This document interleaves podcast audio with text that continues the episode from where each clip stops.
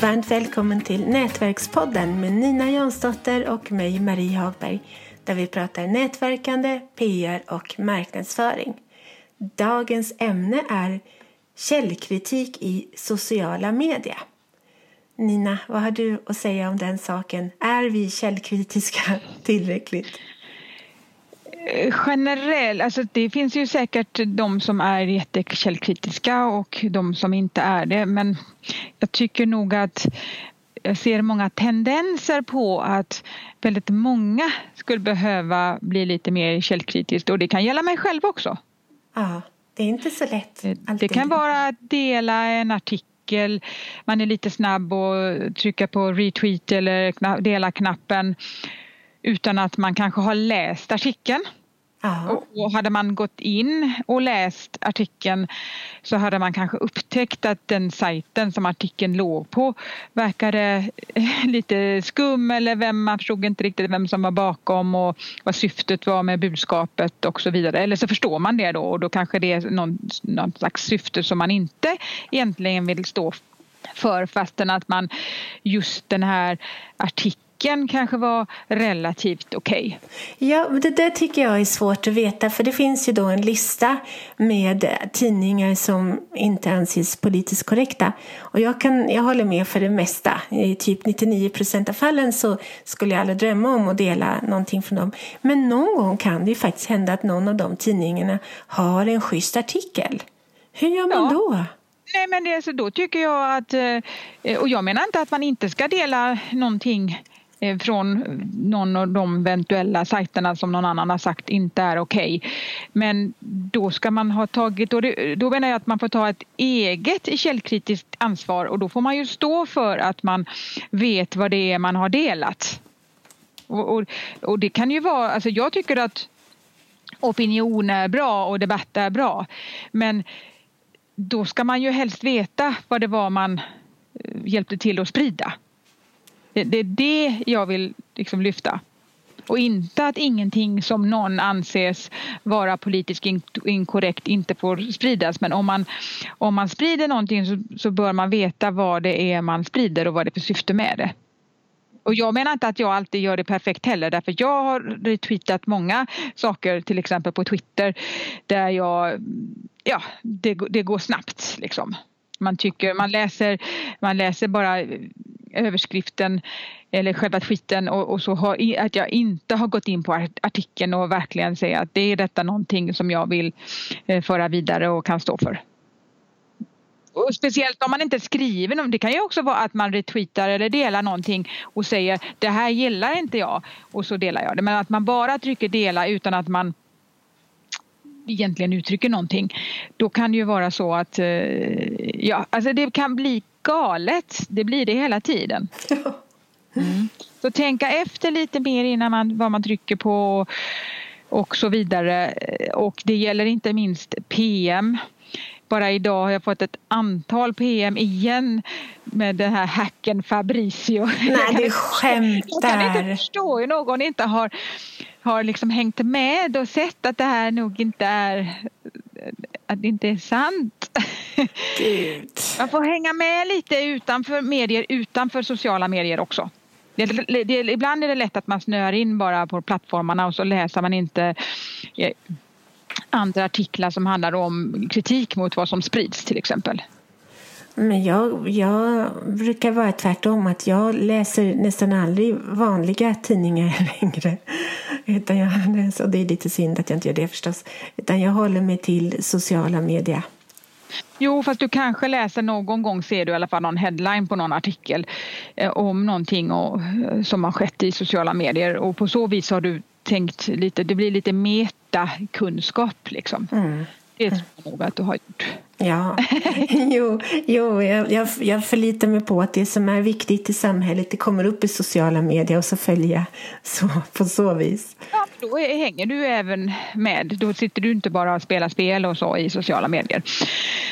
Nej, det har inte hänt hittills. Nej, och det är trevligt om man vill göra det också men det jag verkligen vill lyfta så är det att, att man bara klickar, delar, även om det kommer via PM någonting och säger klicka här, här är en video med dig. Oj vad spännande! Och så klickar man och så spammar man ner hela sitt nätverk med samma meddelande. Så då, då tyckte de åh nu har vi fått en, en videolänk från Marie säger titta här, här är du med och så klickar vi på den. Och så, och så bara fortsätter det liksom. Det här har varit flera veckor med de här länkarna. Och då men vet du, jag har kommit på ett effektivt, väldigt effektivt sätt att slippa alla de där länkarna. Mm. Vet du vad mhm. det är? Jag tar bort de personer som sprider sånt, för då slipper jag. ja, fast många kanske bara gör det en gång. Fast det är i och för sig, jag vet en annan som har gjort, klickat många gånger.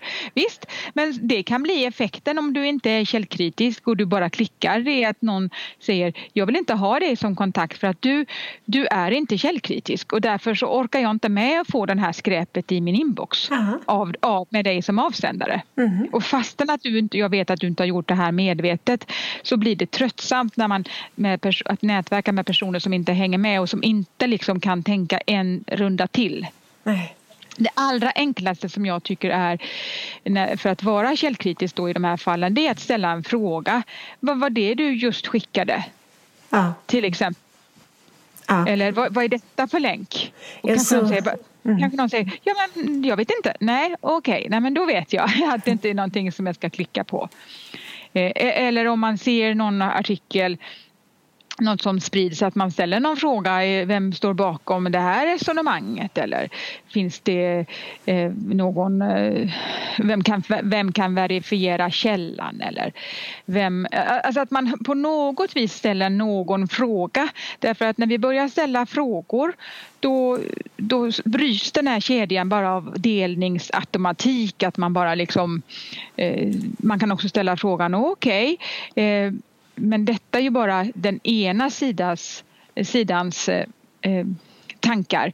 Eh, vad, vad, säger den, om, om det är någon som är kritisk mot någon till exempel. Att man är medveten om att man ser bara den ena sidan av myntet. Att man eh, i så fall tänker att det kanske också finns en annan sanning. Ja. Att man aktivt söker den. Eh, och det är jag ju tacksam för eh, ibland när det har när jag har varit med i olika sammanhang och blivit uthängd och så vidare att, att någon faktiskt har frågat mig oj vad, vad är det som händer? Så att jag har fått möjlighet att, att ge en bit av min bild och min sanning. Ja, det, det efterlyser jag också väldigt mycket. Det är både källkritik på samhällsnivå där man tänker okej, okay, vem är det som ligger bakom det här budskapet och, och varför och vad, vad är den kortsiktiga och långsiktiga vinsten av att detta tankesätt, att jag är med och sprider det här tankesättet. Och sen är det även in på individnivå då att man kanske tänker att man tar kontakt med någon och säger vad var detta du spred och mm. varför? Mm.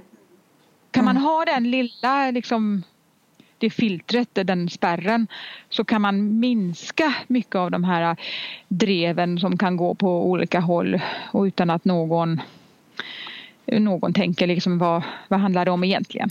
Min, min policy, och det är verkligen inte alltid jag efterlever den, eh, speciellt inte om jag är för, själv är förbannad på någonting, men det är att jag försöker att inte sprida vidare om det är något företag jag ogillar eller sådär.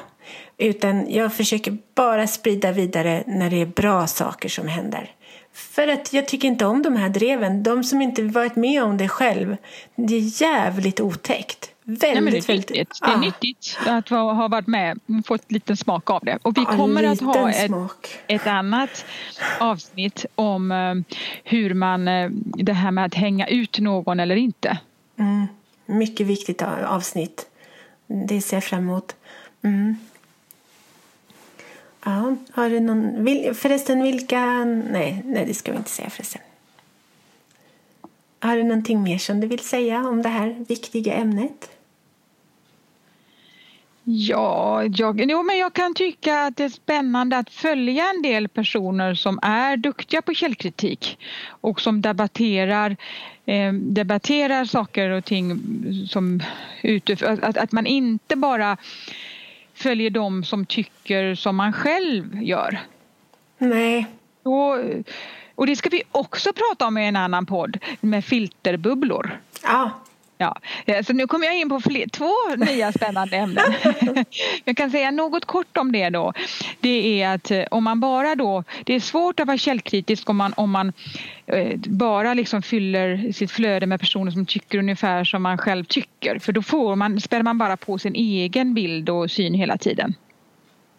Och därför är det bra att följa en del personer som har ett annat tankesätt därför att då på något vis blir det input till ens eget tänkande.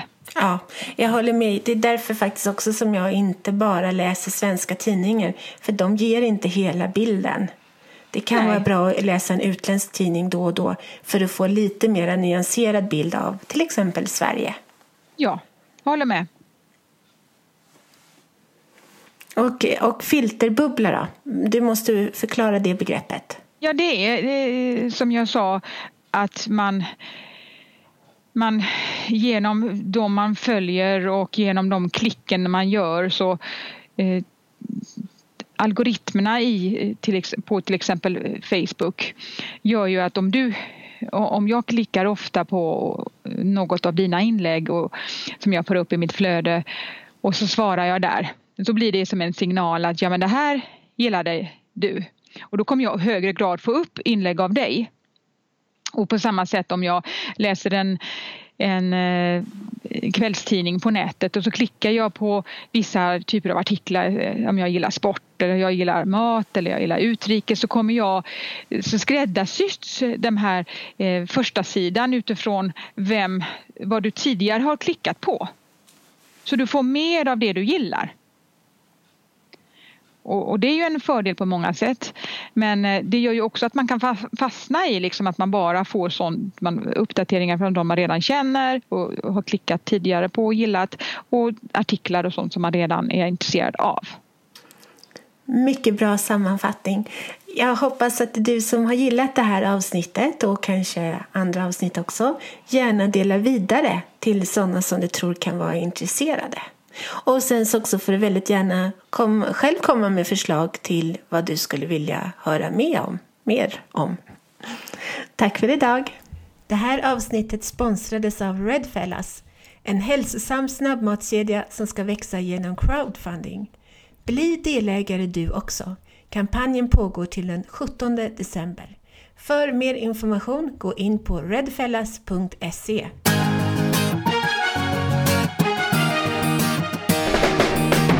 Tack för att du har lyssnat på Nätverkspodden. Om